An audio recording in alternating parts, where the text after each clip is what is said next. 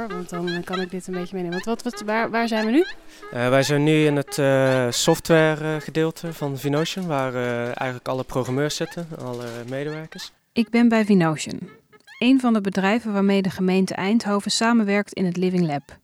Nog even kort, met het Living Lab bedoel ik Stratums Eind, die kroegenstraat waar superveel sensoren hangen die van alles meten over bezoekers. Ik krijg een rondleiding van Christopher Gele, de productmanager. Uh, je ziet hier aan de muur zie je verschillende posters hangen waar wij verschillende onderzoeksprojecten draaien.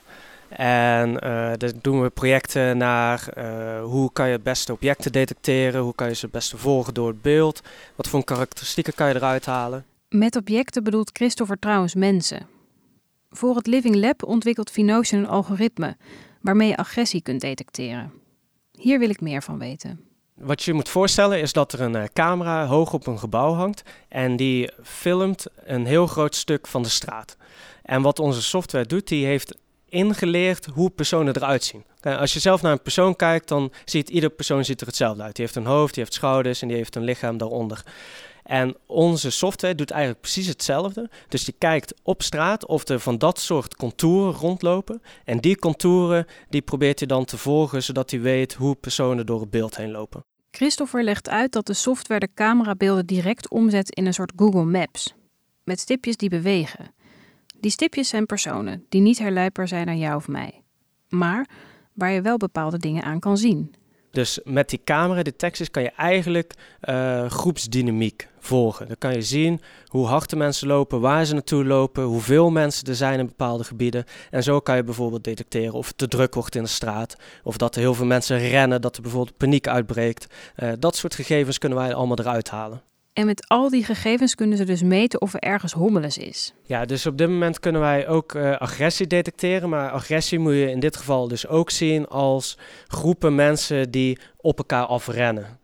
Dus uh, we maken geen gebruik uh, van gezichtsherkenning en dergelijke. daar is de resolutie van onze camera trouwens ook totaal niet geschikt voor. Maar wij gebruiken gewoon precies dat soort kenmerken die kunnen aantonen dat er agressie optreedt. En wat zijn die kenmerken dan precies? Bijvoorbeeld op het moment dat uh, de geluidscamera een uh, klap detecteert, dan kan dat of een uh, dichtvallende deur betekenen of iemand die een klap verkoopt aan een ander. Maar als je tegelijkertijd op die beelden kan zien dat er twee mensen op elkaar afstormen en dat er dan die klap volgt, dan kun je uit die informatie al die hints uithalen. Vinotion heeft nu vier typen hints voor agressie. Een groep mensen die plots wegstuift, twee groepen mensen die op elkaar afrennen, iemand die zich uit een groep losrukt en de zogenaamde loners. Mensen die in een eentje buiten een beetje hangen. En wie bepaalt dan dat dit afwijkend gedrag is? Zijn jullie dat? Nou, wij hebben deze hints hebben wij eigenlijk bepaald in samenwerking met uh, de observatiekamers. Dus die hints die sturen wij door en uiteindelijk zullen zij dan bepalen of het daadwerkelijk uh, nuttige informatie is. De observatiekamers, dat is? Ja, dus in dit geval het kamertje van Tinus. Dus de gemeente Eindhoven? Ja, precies. De software van Vinotion wordt constant getest en de hints komen binnen in het kamertje van Tinus Kanters, de observatiekamer. En daarbij zeggen we eigenlijk aan de observant, er is in dit gebied waar de camera is geregistreerd, is er iets aan de hand. En wat uh, dan kan gebeuren is dat er of een beveiligingscamera bij wordt gepakt, die al ter beschikking staat in de observatiekamer, of er wordt een politieagent ter plekke wordt daar naartoe gestuurd om de situatie te controleren. Want eh, wat ik me afvraag, in hoeverre zeg maar, is dit, mag je dit gewoon doen? Wat wij in essentie doen, is wij gebruiken de video zelf niet om uh, mensen te detecteren. Het uh, systeem is alleen maar geblurred aanwezig. En het enige wat naar de hand over is, dat zijn de stipjes op de Google Maps. en de autoriteit persoonsgegevens heeft aangegeven, je kan daar geen persoonsgegevens uit onttrekken, want je weet alleen maar dat er een persoon was op een bepaalde plek. en daarom zou dit mogen via de privacywet. Dus dit is anoniem? Dit is allemaal anoniem. 100 procent? 100 procent. Dat klopt. Het is anoniem, want alle data wordt versleuteld en samengevoegd zodat het niet meer te herleiden is tot een individu. De software wordt nu nog getest en verbeterd. De plannen zijn om de hints in de toekomst direct naar de politie te sturen, zodat ze meteen kunnen ingrijpen. Ah. Dit is Bloes Bruinbroek. Hoi. Hoi. Tessa, hoi. Dit is Bart van der Sloot, specialist op het gebied van privacy en big data en verbonden aan de Universiteit van Tilburg. Hij heeft onder andere onderzoek gedaan naar het Living Lab in Eindhoven. Wat vindt hij van de werkwijze die Vinotion voorstelt? nou, um, um, als het argument is, het is efficiënter om camera's op te hangen, gegevens te verzamelen, standaardprofielen te maken, algoritmes te trainen om afwijkend gedrag op vier knooppunten te analyseren, dat dan door te geven aan een meldkamer, die meldkamer dat door te geven aan de politieagent die dan dat wordt geseind. Ik moet het nog zien of dat echt efficiënter is. Ik geloof dat niet zo. Ik denk dat het juist veel omslachtiger is. Al deze kosten, denk ik, zou je ook kunnen investeren in nog een extra politieagent als dat het probleem is. We zitten buiten vlak bij zijn huis in de Belmer in Amsterdam. En zoals je hoort is Bart erg kritisch over het Living Lab. Maar dit is niet zijn enige punt.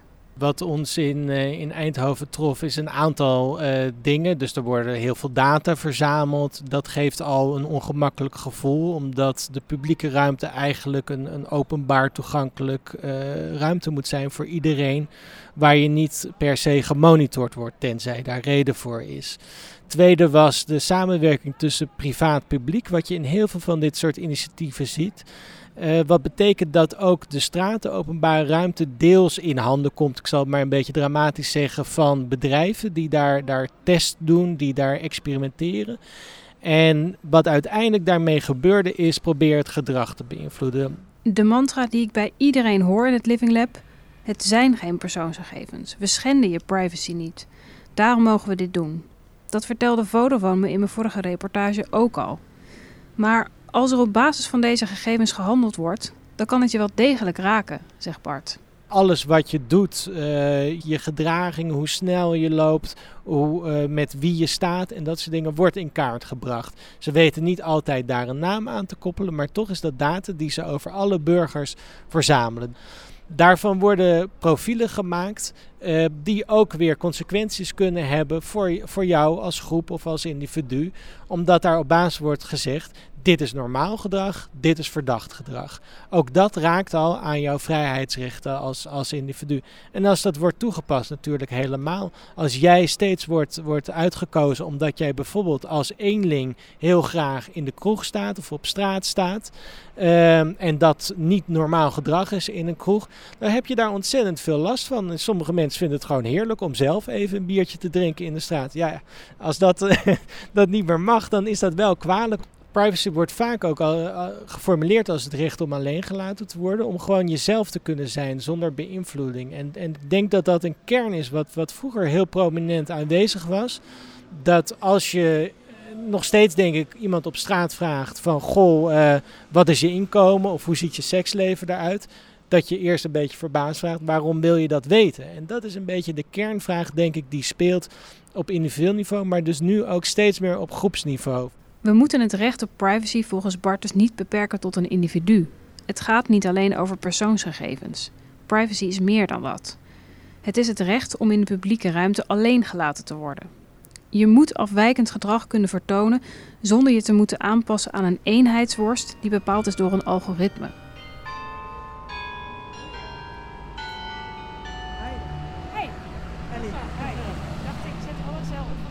Tijd om dit de gemeente Eindhoven voor te leggen. Zij zijn verantwoordelijk voor het Living Lab. Ik heb een afspraak om 9 uur en ontmoet woordvoerder Ellie Rijnen die me naar de wethouder brengt. Waar zijn we nu? We zitten hier in Eindhoven en ik ben wethouder uh, werk en economie uh, van de stad Eindhoven. En het is een innovatieve stad, dus we willen zorgen dat technologie ten dienste van mensen staat. En daar willen we voorop lopen. En hoe heet je? Oh, sorry, ik heet, ik heet Staf de Pla. Staf is erg trots op zijn stad, zoals je hoort. Hij legt me uit dat alle experimenten in het Living Lab getoetst worden aan vier principes. 1. Technologie moet in dienst staan van de mensen. 2. Het moet veilig ingezet worden. 3. Het verzamelen van data in de publieke ruimte moet geen verdienmodel op zich worden. En 4 is natuurlijk gewoon dat de privacy van mensen uh, uh, zeg maar gegarandeerd is.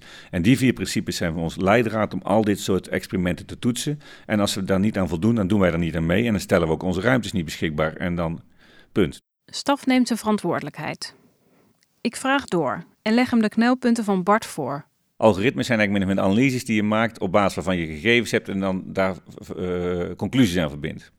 Wat ik heel erg belangrijk vind, is dat je zeker als het om veiligheid gaat, we die algoritmes altijd bij de overheid bekend moeten zijn. Want wij zijn verantwoordelijk voor de veiligheid en wij moeten aanspreekbaar zijn om ja, maar welke algoritmes gebruiken. En dat we niet kunnen zeggen van ja, we hebben een bedrijf ingehuurd dat, ja, dat die nou bedacht heeft dat alle helmonders uh, uh, gevaarlijk zijn. Ja, daar zijn wij niet verantwoordelijk voor. Daar zijn wij verantwoordelijk voor. Maar hoe, pak, hoe pakken jullie het dan aan in het Living Lab in Eindhoven? Want je, je zegt net, wij, wij stellen die voorwaarden. Wat is bijvoorbeeld dan agressie volgens Eindhoven, volgens de gemeente? Poeh. Nee, dat is een goede vraag. Dat, dat weet ik niet zo. Het is wel... Het is, uh, Kijk, wij zitten nu nog in, het al, in de voor, nog niet zoiets van als ze daar vandaan komen, uh, dan uh, gaan we meer politie zetten. Tot nu toe zijn het heel erg van uh, om achteraf te kunnen analyseren van welke groepen zijn er geweest en wat kunnen we daarvan leren. want het gaat nu veel meer op basis van geluid en anderszins en het gedrag van mensen in groepen en niet waar ze vandaan komen. Ehm, maar het is interessant te weten van bij wat voor soort evenementen, wat voor groepen van mensen waar vandaan komen. Dus ik, ja, dat, dat weet ik niet precies. Maar het is wel zo dat. Uh, dit, maar voor mij staat de essentie van al die vragen die jij stelt. Dat is iets waar uh, juist in die. waar je niet aan de voorkant allemaal precies de eisen kan stellen in deze fase. Want je ja, dit is gewoon een soort zoektocht. En daarom een living lab, waardoor je gecontroleerd dat doet. En dus met wetenschappers en ook met anderen. Elke keer dit soort, dit soort vragen gesteld. En van hoe doen wij dat hier? En is dat dan wel goed geborgd? En daar hebben we de mantra weer. We verzamelen geen persoonsgegevens, alleen anonieme data. En als we data inkopen bij anderen, zoals bij Vodafone, dan is die data geanonimiseerd en ook nog eens samengevoegd tot een groep. We schenden je privacy dus niet. Staf begint over gebieden waar dit recht niet goed gewaarborgd is. Die kant moeten we niet opgaan.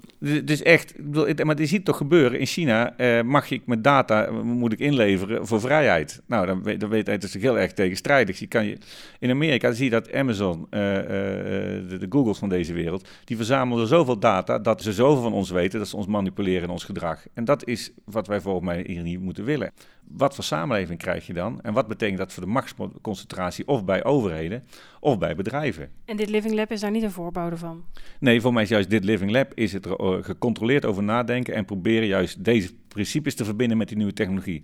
Want als je dit alleen maar, als ik dit niet mag doen en zeg van ik ben er tegen, dus gebeurt er niks, dan weet ik zeker dat het Chinese en het Amerikaanse model met deze technologie verder ontwikkelt. En wil je een Europese tegenbeweging krijgen, dan moet je juist investeren in kennis en ideeën en de praktijk hierover, om het ook echt werkelijk uh, uh, niet alleen maar een idee te laten zijn, maar ook werkelijk een aantrekkelijk alternatief wat wel aan die, uh, zeg maar die veiligheids- en die privacy en die samenlevingseisen voldoet.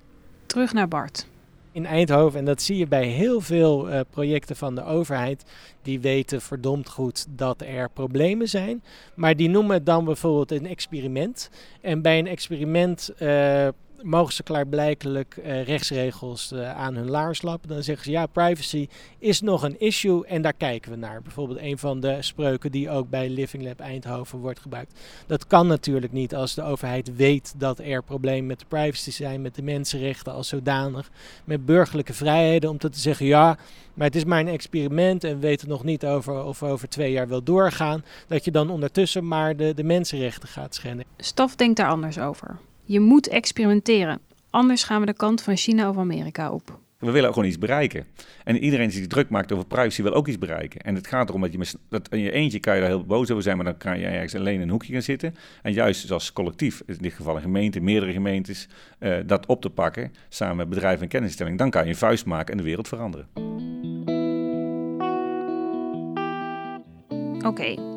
Onderzoeker Bart zegt dus: Hartstikke leuk zo'n experiment, maar organiseer het beter en denk ook wat beter na over de ethische knelpunten van een Living Lab.